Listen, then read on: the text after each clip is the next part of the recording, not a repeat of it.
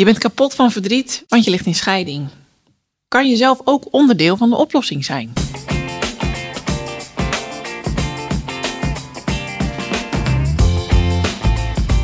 Hey, fijn dat je luistert naar de Scheidpodcast. Ik ben Carly Timmerman van Bureau Carbon, host voor gezinsvriendelijk scheiden.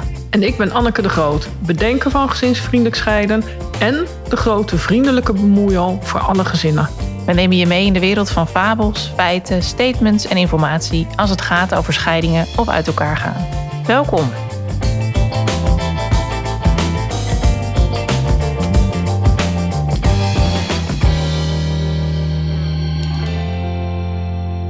Dat is vandaag de vraag die we bespreken met uh, Anneke de Groot. Anneke, welkom weer in je eigen huis.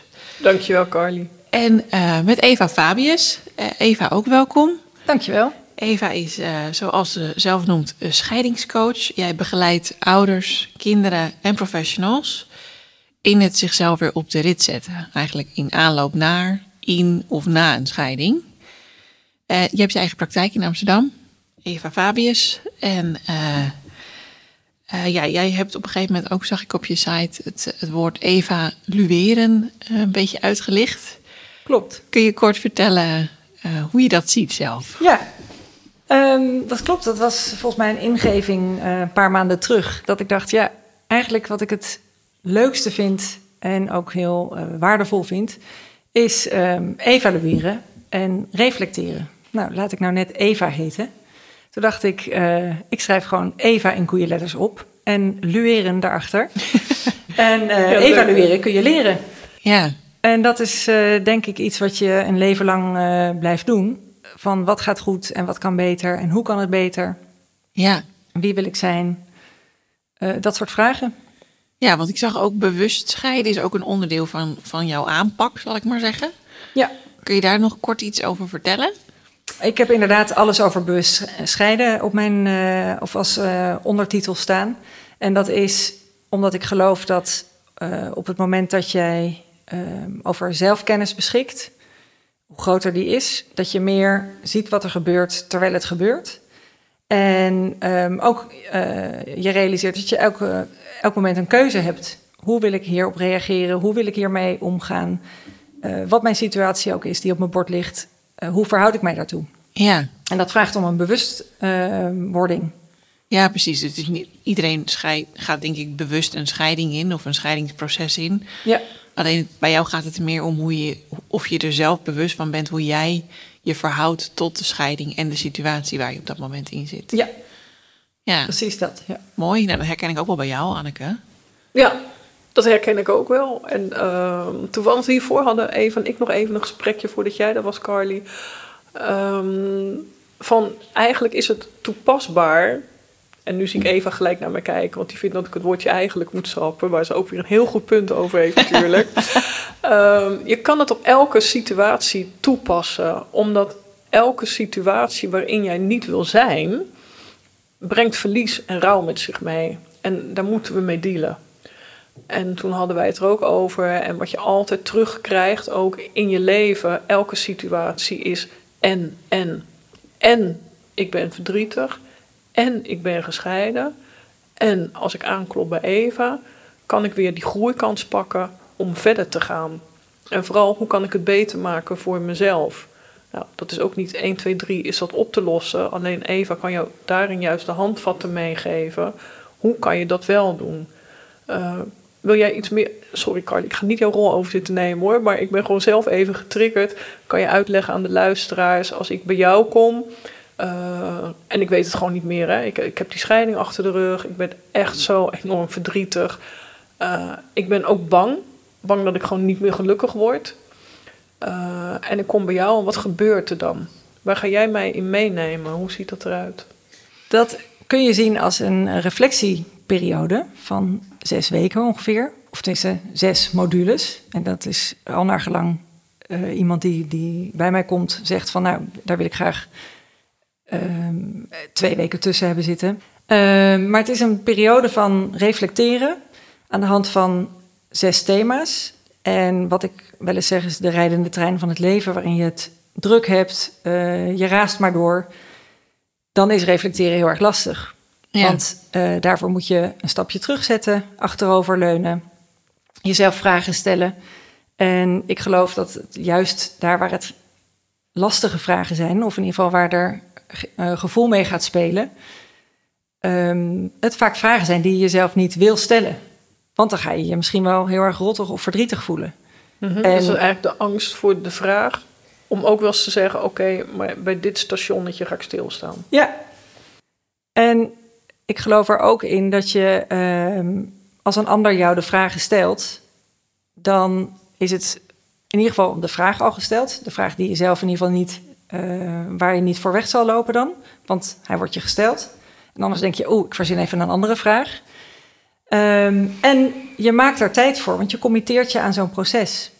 Mhm. Dus je maakt reflectietijd voor jezelf. Je maakt het belangrijk om te kijken wat leeft er in mij. Eh, hoe is het zover gekomen dat wij hier nu zo zijn aanbeland? Of dat ik hier zo ben aanbeland? Ja. En dat kan dus ook na een scheiding gebeuren, zeg jij. Doet die, je geeft die workshop ook op het moment dat de stellen al uit elkaar zijn. Ja, En zeker. Ook, ook in aanloop er naartoe, bijvoorbeeld. Dat kan ook. Nou, dat is misschien wat gek als je de workshop... eh, precies. Dan zou, het eerder zou ik het eh, noemen eh, klankbordgesprekken. Om, eh, omdat iemand denkt van... Hè, ehm, ik, ik twijfel over het besluit nemen wel of niet eh, uit elkaar te gaan. Ja, Eh, en dan kun je daar ook op reflecteren. Van wat gaat er allemaal door je hoofd? Wat verwacht je? Eh, hoe gaat het tot nu toe? Wat Ja. heb je er gedaan? Et cetera. Ehm, maar inderdaad, eh, de workshop Scheiding als Groeikans is, gaat uit van het uitgangspunt. Je bent al gescheiden. Jij zit achter het stuur van je eigen leven. Eh, hoe kun je het nog vormgeven voor de toekomst? Hoe, wa- wa- wat wil jij? En ehm, wat wil je meenemen die toekomst in? ja. Ja, mooi. Maar Eva, dus jij geeft dan een workshop op het moment dat een, een scheiding dus een voldongen feit is. Dat mensen uit elkaar gaan. En, die zijn dan een aantal weken aan het reflecteren met jou. Maken prioriteit van zichzelf. Gunnen zichzelf misschien ook de tijd en de ruimte om na te denken over wat er is gebeurd. En wat ze vanaf daar willen. Want dat is jouw uitgangspunt. Scheiden is misschien een heel verdrietig proces.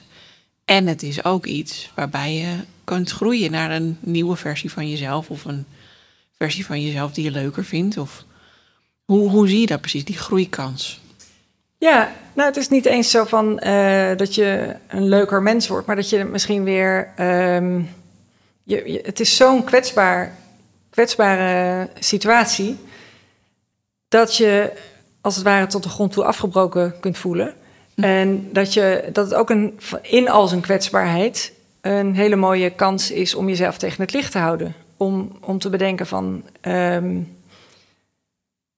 waar ben ik heb ik misschien een afslag genomen dat ik voorbij mijn eigen wensen ben gegaan, voorbij mijn eigen behoeften ben gegaan, dat ik te veel samengegroeid ben. Wie ben ik ook alweer? En Ja. wie wil ik zijn? En ehm, nou ja, voor mij zijn dat sowieso sinds enkele jaren nieuwe vragen. Ik heb dat nooit vroeger op die manier zo geleerd. En ik vind het zelf heel waardevol. En ik denk dat een eh, scheiding daarvoor een hele mooie aanleiding kan zijn als die achter de, als die achter de rug is. Ja, juist eigenlijk omdat je dan zo, nou ja, gebroken bent zou je kunnen zeggen. Is dat juist een ideaal moment om, om, om dat als uitgangspunt te nemen en te zeggen: ik ga nu mezelf echt even goed onderzoeken. Ja, dat is onder, onder andere is dat natuurlijk de, de verwerking. En ook eh, die gehele nieuwe toekomst die, eh, die misschien wel ongewild nu op je bord ligt. Maak er wat van. Ja, En dat is niet als makkelijk gezegd, maak er wat van. Maar ik denk dat dat voor, of je nou wel of niet gescheiden bent, voor elk mens de opdracht is van maak er wat van.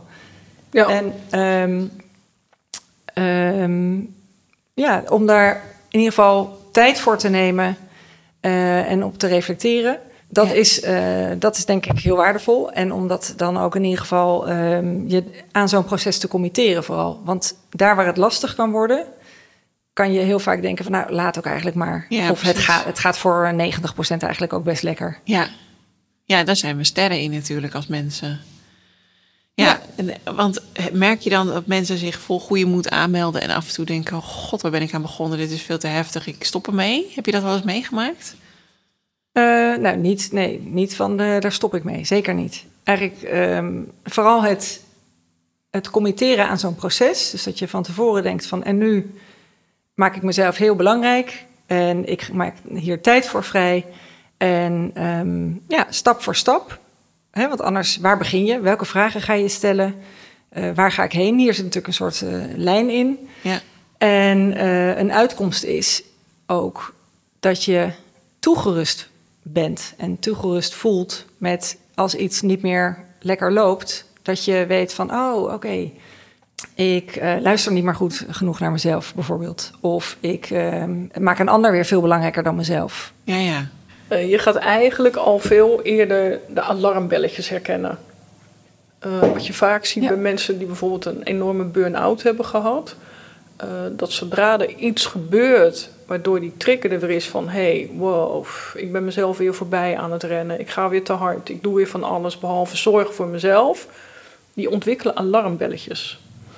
En dat is juist, denk ik, waar jij mensen ook bewust van gaat maken: van oké, als je in die situatie komt, hoe zou je het anders willen doen? Hoe kan je het beter maken voor jezelf? Uh, ik denk dat het ook heel mooi is wat je in het begin zei, Eva. Uh, dat je met modules werkt. Het zijn eigenlijk hapklare brokjes. Ja. Daardoor ontstaat er overzicht voor de mensen, wat heel fijn is. En wat ik net even proefde, dan wil ik echt even checken bij jou als mensen dus bij jou komen, lijkt het wel of ze al tegen zichzelf hebben gezegd: Oké, tot hier en niet verder en nu moet er iets gebeuren. Ja, en nu zeg jij moet. En dat, ik zeg altijd: er is noodzaak of verlangen wat mm -hmm. eraan vooraf gaat. Dus of noodzaak, want zo gaat het niet langer. Want ik ben nog te verdrietig of ik blijf continu in boosheid. En um, dat vind ik ook niet fijn voor mijn kinderen, bijvoorbeeld zoiets. En vooropgesteld voor mezelf ook niet, want hoe fijn, het is helemaal niet fijn om haatgevoelens te hebben of enorme boosheid of frustratie. He, dan is je relatie voorbij en dan ben je misschien nog wel met 90% meer van je tijd met die relatie bezig, de voorbije relatie, dan toen je nog samen was. Dus dat kan een noodzaak zijn, omdat je denkt van dit is niet gezond voor mij mm -hmm. of niet fijn voor mijn kinderen. Of een verlangen, omdat je gewoon verlangt naar meer uh, lucht en licht in je leven. Ja. ja, ja, dat is ook wel heel mooi. Ja, dat is zeker heel mooi. Want je zei zelf al, ik heb dit helemaal niet geleerd vroeger. Voor mij is dit sinds een aantal jaren het nieuwe gewoon om dit soort vragen te stellen. Kun je, kun je daar ook iets over zeggen? Want dat, ik, ja, het klinkt op zich wel bijzonder dat je er dus ook zelf achter bent gekomen uiteindelijk dat dit heel waardevol is. Niet alleen voor jou, maar ook voor anderen. Ja, zeker. Ja, dat is eigenlijk een um, aantal jaar geleden toen ik als vertrouwenspersoon werkte in de jeugdhulp. Toen was ik gefascineerd door um, ja, de ouders die dan een scheiding hebben, die niet prettig verloopt. Daardoor kwam er jeugdhulp. Um, of in ieder geval, het lukte hen niet om er een wending aan te geven dat het uh, wel hanteerbaar was. Er kwam er jeugdhulp bij kijken en dan liep de jeugdhulp niet uh, zoals zij wenste. Dan ging ze naar een vertrouwenspersoon om zich bij te laten staan, om dat vlot te laten trekken, hun klachten kenbaar te maken. En ik dacht, jeetje, dan heb je en die scheiding die niet lekker loopt en een wissel trekt op je dagelijks leven. Dan heb je jeugdhulp. Uh, hè, dan moet je rekening houden met uh, de agenda van een jeugdbeschermer. Wanneer kan ik die bellen? Wanneer belt hij terug?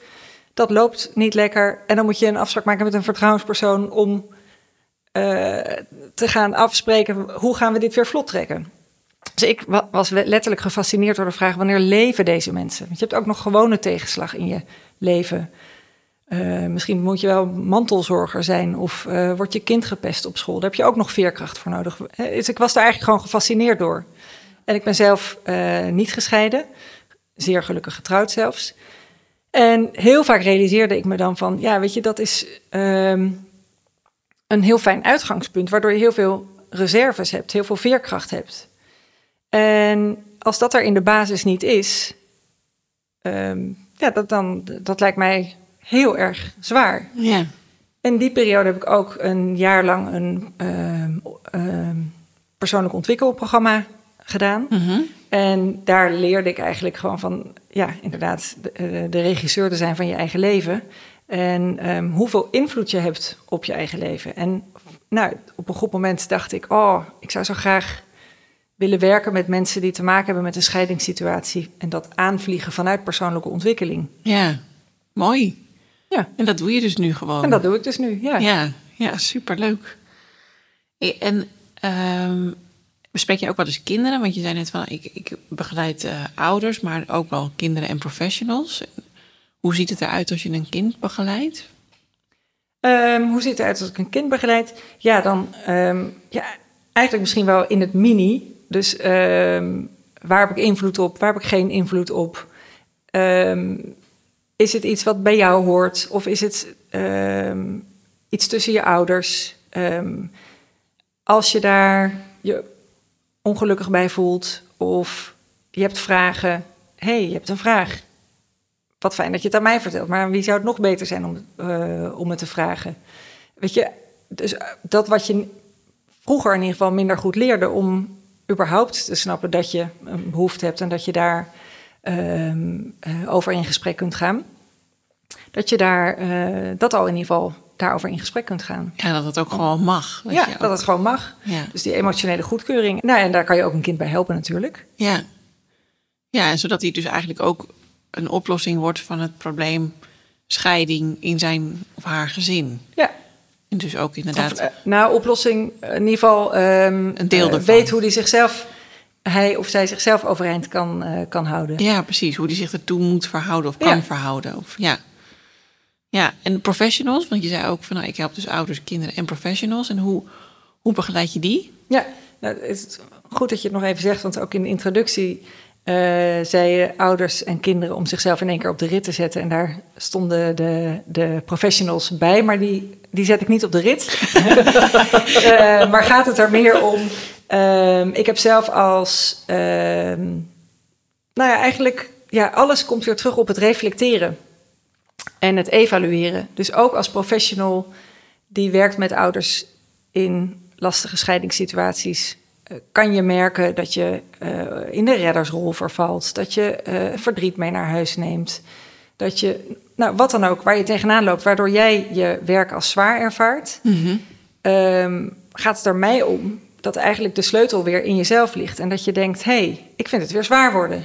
Uh, welke afslag heb ik genomen dat ik minder plezier ervaar in mijn werk? En dat je dan eigenlijk weer realiseert dat je achter een soort uh, paneel zit van, uh, hoe, hoe, heet zo'n ding? Ja, zo'n mengpaneel. Ja, mengpaneel. En, uh, ja. en dat je denkt, hé, hey, als ik hier nou aan ga draaien, dan heb ik daar weer minder last van. Ja. dus dat zijn geen wonderpillen, maar het, eigenlijk het, het reflecteren aan zich um, is het middel waardoor jij weer terug kan komen om jezelf op de rit te zetten. Ja, ook als professional dus. En dus ook weer meer plezier kan ervaren ja. in je werk of meer licht en lucht in, in je werk. Ja, ja. Zodra je dat verloren hebt, dat je dan denkt: oh ja, jeetje, ik ben nog een soort. Uh, uh, ik bedoel, scheiden en begeleiden is een hele serieuze aangelegenheid. Maar als jij bijvoorbeeld iemand bent die als kernkwaliteit heeft van uh, ik, ik, ik hou ook van grappen maken of weet ik, weet je, oh, dat, ik, ik heb op een gegeven moment bedacht dat ik een super serieus iemand moet zijn. Ik maak nooit meer een grapje, ik zeg maar wat. Ja, wat zit je nu naar mij te kijken? Ja.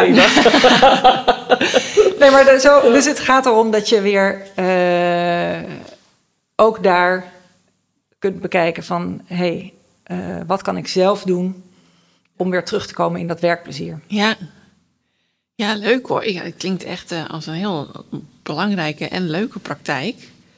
En werken jullie ook wel eens samen, Anneke en Eva? Want jullie kennen elkaar wel. Ja, Nee, we hebben nog nooit samengewerkt nee. eigenlijk. Uh, soms kan afstand een rol spelen. Uh, ik ken Eva uit de tijd dat wij samen kindbehartiger waren. En dat hebben we met heel veel plezier gedaan. Uh, alleen merkten wij ook van, nou, wij gaan allebei een andere kant op. Wij uh, kijken anders naar hoe je als professional zou kunnen functioneren. En ik denk dat Eva dat ook heel goed aangeeft. Uh, dat elke professional en ook elk mens, je hoeft niet eens professional te zijn, maar elk mens uh, voelt echt wel aan op een gegeven moment van hé. Hey.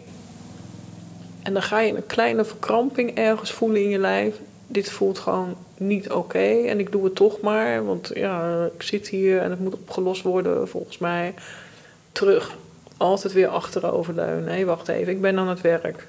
Ik ben niet die redder, ik ben niet die helper. Uh, hoe ga ik iemand anders aan het werk zetten? Want diegene moet het werk doen. Ik ga dat niet zitten doen. Um, en of wij ook wel eens samen hebben gewerkt? Nee. We hebben nooit samen cliënten begeleid. Nee. Uh, We hebben wel de, dezelfde visie dat je eh, bij de ouders begint. Ja, Ja, oh ja. ja, Dus van bovenaf, eh, hè, zodat een, als een ouder eigenlijk weer stevig en sterk is en zich inderdaad in de regie voelt, Ja. dan zijpelt dat door naar de, de kinderen. Als Die voelen dan, daar staat een stevige ouder. ehm, ja het schept duidelijkheid Ja. voor de kinderen als je als ouder ook kan zeggen, eh, we weten het even niet. Maar Ja. we zijn of bij Eva of we zijn bij Anneke en we zijn erover aan het praten met elkaar. Eh, we krijgen daarin begeleiding. Dan leer je kinderen ook dat het heel normaal is om hulp te vragen. Ik denk dat dat gewoon heel belangrijk is om mee te krijgen. Eh, daar hadden wij het net ook even over met elkaar. Dat ik het heel vreemd vind dat kinderen dan recht hebben op hulp. Maar het niet aan mogen geven, niet om mogen vragen. Want dan bepalen ouders eh, of ze dat, eh, die hulp gaan krijgen. Die passend zou kunnen zijn. Eh, nou, dat is een heel raar uitgangspunt. Want Mhm. daarmee zeg je eigenlijk tegen dat kind... wij bepalen wanneer jij hulp nodig hebt. Nou, dat is heel vreemd. En het is denk ik ook wel een van de oorzaken nu... van de enorme wachtlijsten. Omdat er nu zoveel mensen zijn vastgelopen... omdat ze niet hebben geleerd om hulp te vragen... Ja. eh, en om maar afhankelijk te worden van iemand anders die daar iets over gaat vertellen of die jou daar goedkeuring voor gaat geven. Ja, dat neem je ook mee. Dat is jammer. Ik denk dat kunnen we zeker anders doen. ja, jullie ze hebben veel dezelfde denkbeelden. Daar komt het eigenlijk op neer. Ja, en ik vind wel eh, op het moment dat ouders bij mij zijn geweest. En ik hoor van hen de verhalen. En ik zie soms ook hoe ze wel eens met elkaar om kunnen gaan. Dat ik denk, hé, hey, dit heeft echt impact op dat kind gehad. Dan ga ik dat ook met ze bespreken. Dan ga ik gewoon even als kind in de luisterkamer zitten. En dan zeg ik, joh, ik ben eh, een volwassen vrouw. Dit doet het al bij mij. Eh, dit is wat er gebeurt. Maar stel nu dat ik zeven ben en ik woon bij jullie in huis. Wow. Nou, dat neem ik wel mee. Eh, zou ik toch met jullie kind mogen praten? Ja. Eh, meestal stuur ik ze dan maar naar Marielle van der Laan, eh, waar ik mee samenwerk, kindbehartiger. Eh, dat we gewoon één keer kunnen checken bij die kinderen. Is er nog iets wat zo'n impact heeft gemaakt? En dan vragen we het niet op deze manier uiteraard. Marielle heeft daar prachtige tools voor. Maar we gaan wel even kijken van hoe is jullie wereldkaart op dit moment? Ja, precies. En wat kunnen we daar eh, mee doen om het voor jou beter te maken? Om ook te kijken naar die kinderen. Hé, hey, wat is blijven hangen? ja. En ik heb echt wel eens kinderen gesproken, ook zelf. Daar kwamen voor hun echt gruwelverhalen uit. Terwijl ik het beeld had bij die ouders. Ja, maar dat gaat hartstikke goed. Die doen dat gewoon fantastisch met z'n tweeën thuis. En dan de kinderen gezegd van ja, wij zouden toch ook wel één keer gewoon met Anneke willen praten. En dan hoorde ik verhalen. Ik dacht, wow, dat staat haaks op hoe ik de ouders hier zie. En ja, ik denk wel dat dat belangrijk is om gewoon even te checken. Ja. En ook ouders en kinderen weer met elkaar in gesprek te brengen. Eh, want wij gaan eruit. ja. Wij zijn tijdelijk. Eva is Ja. er tijdelijk. En dat is denk ik juist zo mooi wat Eva ook teweeg brengt. Je krijgt iets mee waar je de rest van je leven iets aan hebt. Je krijgt eh, positieve alarmbelletjes. Ja. En, En dat, dat is ik heel dat- bijzonder. Ja, dat is die ondertitel, alles over bewust scheiden. Het is inderdaad de, de, ehm, de valkuilen die duidelijk voor je worden. Ja. En nog steeds, hè, ik bedoel, de, de thema's die je net zei, eh, de, de modules, ik kan ze wel even noemen, dan krijgt het Ja. iets meer beeld. Dat is voelen, luisteren, wensen, acceptatie, stilte en mildheid. En allemaal denk ik dat ze eh, hun aandacht verdienen, die ook hier Ja. niet allemaal toelichten. Maar ehm, die mildheid, daarom kwam ik erop. ehm, je bent wel een mens uiteindelijk. Dus Ja. weet je, ehm, en ja, je mag enorm verdrietig zijn, enorm boos zijn. Sterker nog, je bent het op dat moment. En je mag dingen niet weten. Dus het, het, het gewoon normaal mens zijn is uitgangspunt. En je kunt je ook eh, bewust worden van de manier waarop je communiceert. Maar nog steeds kan het dan zijn dat jij uit de bocht vliegt. ja. Maar dan gaat het weer om die mildheid. Dat je ziet van, hé, hey, oh, ik ben uit de bocht gevlogen. En dat je wel weer ziet van, nou, maar dat kan ik vanaf morgen weer anders doen. Ja. Of ik kan ehm, ehm, zeggen, de boodschap blijft overeind. De manier waarop had wel iets anders gekund. ja. Dus ehm, die mildheid is ook wel echt een hele eh, belangrijke. Want dan, Ja. dan blijf je ook gemotiveerd om in dat groeiproces en, te blijven. Ja, want ga je het opgeven. ja, juist dan groei je natuurlijk als je mild van jezelf mag zijn ook. En, Ja. en mag zeggen van, goh, nou, dat ging niet helemaal zoals ik het had gehoopt. Ja. En toch denk ik dat het morgen beter kan. Ja, en een hele mooie bijvangst is op het moment dat je ehm, leert en oefent met milder naar jezelf te zijn, wat voor mij ook wel een beetje nieuw was, ehm, maakt het ook dat je op een goed moment, je ziet gewoon dat een mens is een, een werk in uitvoering voor de rest van zijn leven. En op het moment dat je daar milder naar kan kijken en dus je vanuit die mildheid gemotiveerd blijft om te bl- blijven dooroefenen, lukt het je ook makkelijker om eh, mild naar een ander te kunnen kijken. Ja, ja mooi. Ja. Omdat Dus- je dan ook denkt van Ja. weet je, als, jeetje, ik heb nu zoveel inzichten al gekregen van jeetje, vroeger ge- zou ik er gewoon met de gestrekt been ingaan. Hé, hey, grappig, dat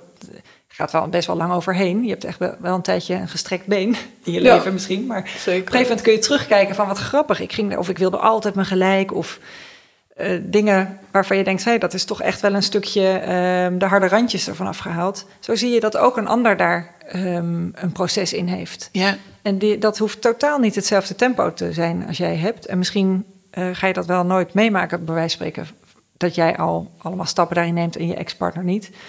Maar dan heb je in ieder geval, ehm, is dat de situatie waar jij je toe hebt te verhouden. Hoe ga ik om met iemand die niet die stappen maakt ja, Ja. En mij En- uitdaagt of triggert?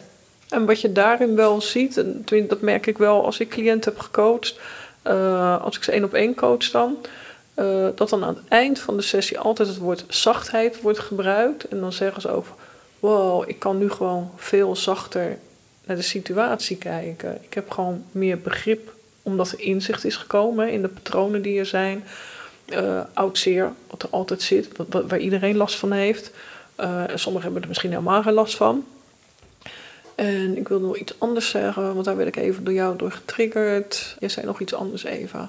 Mm, met mildheid naar een Nou ja, dat je dus Ja. ook nooit af bent. En dat Ja. geldt ook voor ons. Eh, ik merk ook aan mezelf dat ik elke dag altijd wel weer ergens een momentje heb dat ik denk: Oh ja, oh ja, dit is dus mijn valkuil. Oh ja, oh ja. Ja. dit had ik echt anders kunnen doen. En soms vind ik het gewoon heel erg lekker om heel hard eikel te roepen als iemand iets doet waarvan ik denk: joh, kom op, hier is niemand bij gebaat. Eh, en de andere keer denk ik, nou, dit was echt terecht een eikel. Dat, dat, ga ik gewoon de rest van mijn leven zo blijven roepen. Vind ik prima. Ja. Niks En, eh, nee, maar het is dus ook dat is weer altijd en en. Je Ja. kan niet eh 100% van de dag bezig zijn met correcte communicatie of met zelfreflectie, eh, noem maar op. Ook dat vraagt tijd. En soms Ja. lukt het even niet, ook prima. ja. Geen man overboord. En daar mag je dan dus ook weer milder in zijn naar jezelf. Ook daarin mag je dus de En- mildheid ja. hebben waar Eva het over heeft. Ja, En we zijn geen robots en dat willen we ook helemaal niet worden. nee. Nee. Ja, want is het ook zo, eh, jij bent zelf dus gelukkig getrouwd. Krijg je die wel eens in je gezicht van, van mensen die zelf dus in, in een verdrietige situatie zitten en zeggen: Ja, jij snapt mij niet, want jij weet niet eh, waar ik doorheen ga? Nee, dat totaal niet. Het is eerder mijn eigen monkey mind, mijn eh, kritische stemmetje in mijn hoofd, die dat heel soms influistert. Maar ehm, die weet ik dan eigenlijk ook eh, de mond te snoeren. Dat ik denk, nou, dankjewel, dat is eventjes een, eh, een kritische stem of een onzekerheid. Maar eh, ja, als je cardioloog bent, hoef je ook niet per se eh Nee, alsjeblieft niet, nee. hartritmestoornissen Ja. te hebben. Om dokter te kunnen zijn. Ja. Dus Stel dat elke psycholoog eh, weet wat het is om een vliegramp mee te maken. Of dat er zes mensen tegelijkertijd doodgaan. eh incest, noem maar op. Dat, dat, kan ook niet. Dus die kan ook gewoon haar of zijn vak uitoefenen. Zonder dat ze alle gebeurtenissen heeft meegemaakt. Ja, ja, ik ben zelf geen moeder. Mijn man heeft twee dochters. Eh, ja, zou ik dan daarom niet een gezin mogen begeleiden? Kan ik daarom geen goede gezins- of kindercoach zijn? ja, ja, Nee. ik zou het zelf echt volslagen belachelijk vinden als er mensen zijn die zo denken. Maar goed, ik, ja, er zijn een heleboel bijzondere types op de wereld. Dus ik kan me voorstellen dat je daar dan toch mee geconfronteerd wordt soms. Nee, eh, wat ik nog wilde zeggen is, ik, ik kan het ook juist anders, daar andersom tegenaan kijken. En dat is dat ik juist me realiseer, hè, ik, ik wil heel graag toekomstgericht werken van ehm, waar wil ik heen? Ja. En ehm, dus juist mijn, ehm, mijn gelukkige uitgangspunt, mijn eigen gelukkige uitgangspunt, dat is heel erg van, hè, ik, ik gun dat een ander ook. Ehm, ga, ja, eigenlijk is, is het ook rouwen en opbouwen. Ehm, en, en creëer iets eh, moois voor jezelf. En natuurlijk kan het me voorstellen als je nu zit te luisteren en je hebt net te horen gekregen dat je uit elkaar gaat of dat de ander dat wil, dat je echt denkt rouwen en opbouwen en, en er iets, Ik maakt er iets, mooi van, iets Ja. moois van. Hou op. hou op. Ja, Mens. ja, Maar, ehm, eh, dus dat wil ik zeker even gezegd hebben. Maar het gaat er mij om dat je wel onderdeel bent van de oplossing. Dus alleen jij kan het doen. Jij kan verantwoordelijkheid nemen voor je rouwproces. Je kunt het uit de weg gaan, want het is zo pijnlijk en het is zo verdrietig. Of je kunt het aangaan en dan ruimt het daadwerkelijk op. Nou ja, het- je, je- dat spreekt voor zich, Ja. wat ik daarmee bedoel. Maar je, kunt het, het is dus, je kan het zelf doen, maar je hoeft het niet alleen te doen. Dat is, Maar je hoeft het zeker niet alleen te doen. Nee. dat is ook nog wel belangrijk, denk ik, om te benoemen. Omdat mensen vaak, dat herken ik bij mezelf wel eens, dan heb, je, heb ik een probleem en denk je, dat moet ik zelf even oplossen. Terwijl het vaak veel sneller gaat en beter gaat als je even vraagt, wil je helpen hierbij? Of wil jij met jouw blik eens even roep toeteren wat jij hiervan vindt? Ja. ja. En dat- je kan ook niet alles. En, eh, Nou, zeker niet in een scheiding, lijkt mij. Nee, maar in het gewone leven ook niet. En eh, kijk, niet dat het scheiding niet het gewone leven is, alleen het voelt niet meer gewoon op dat moment. Nee. Alles verschuift, verandert. Het is één groot eh, zwart gat waar je in kijkt. Eh, en ik kan bijvoorbeeld, eh, ja, ik kan best veel, ik ben heel erg handig. Ik kan geen dak bedekken. Daar vraag ik hulp bij. Nou, dat lijkt me heel normaal. Hoe gaan we nu mensen zover brengen en leren dat ook dit normaal is? Als je zo vastloopt, we zijn hier maar heel kort.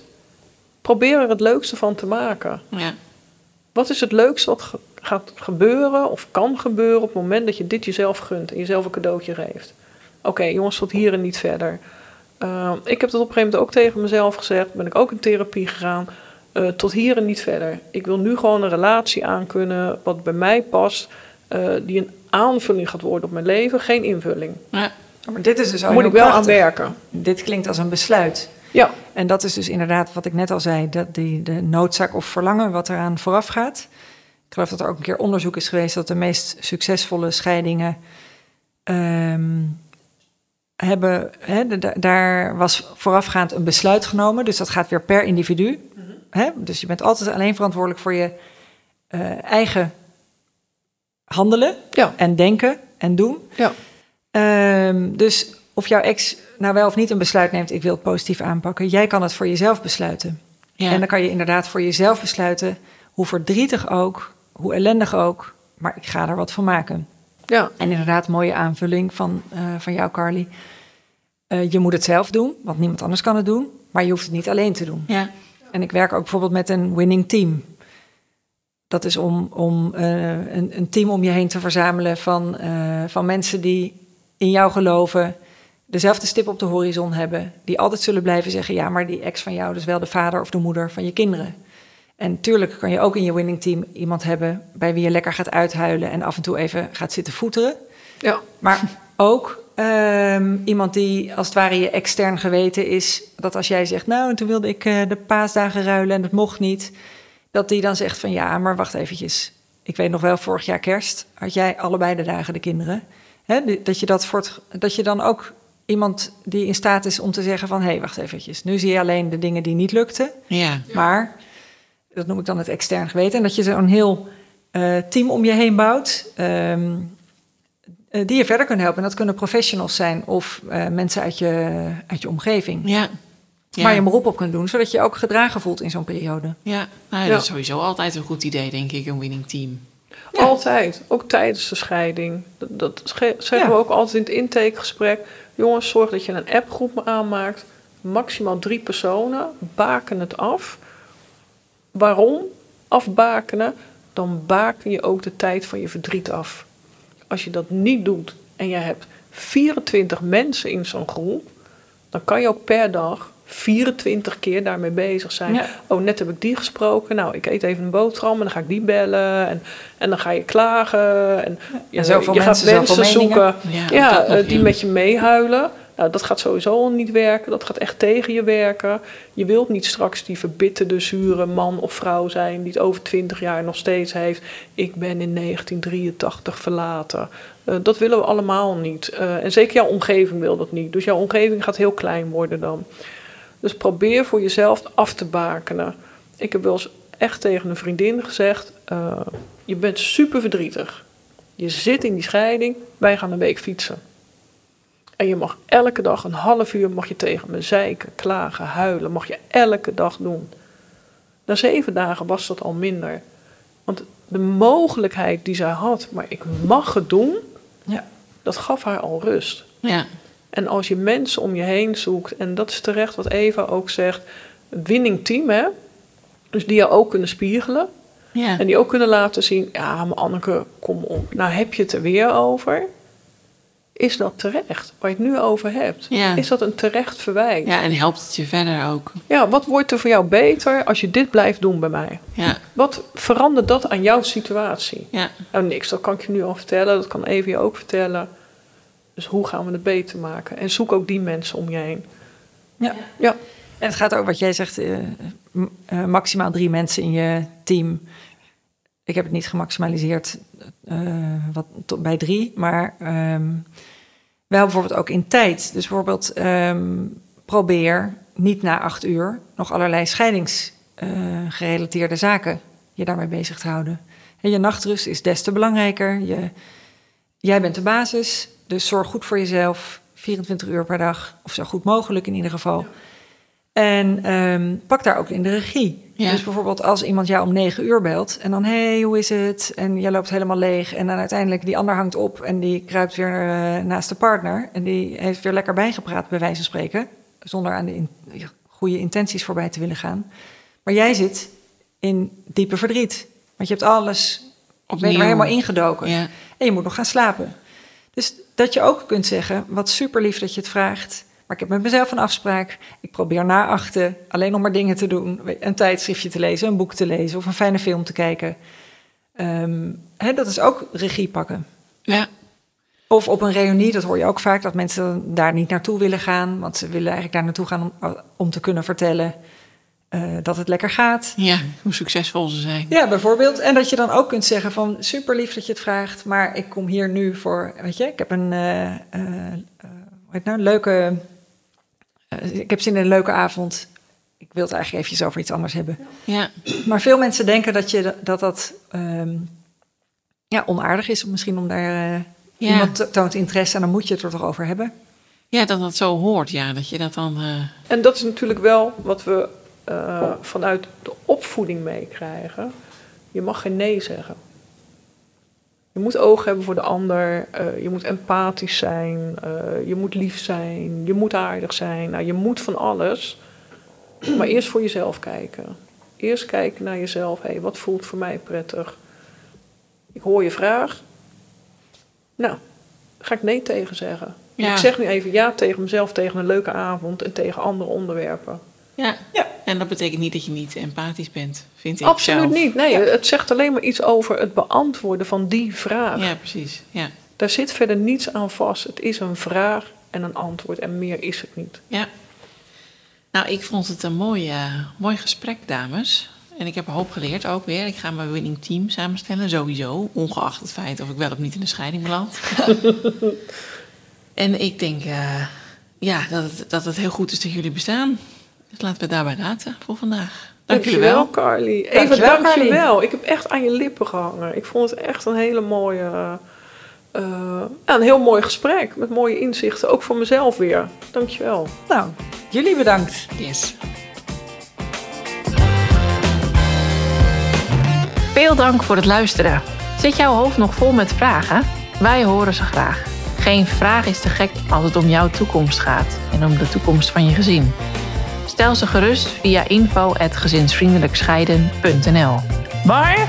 info@gezinsvriendelijkscheiden.nl. Dankjewel. En misschien komt jouw vraag dan in de uitzending. Anoniem uiteraard.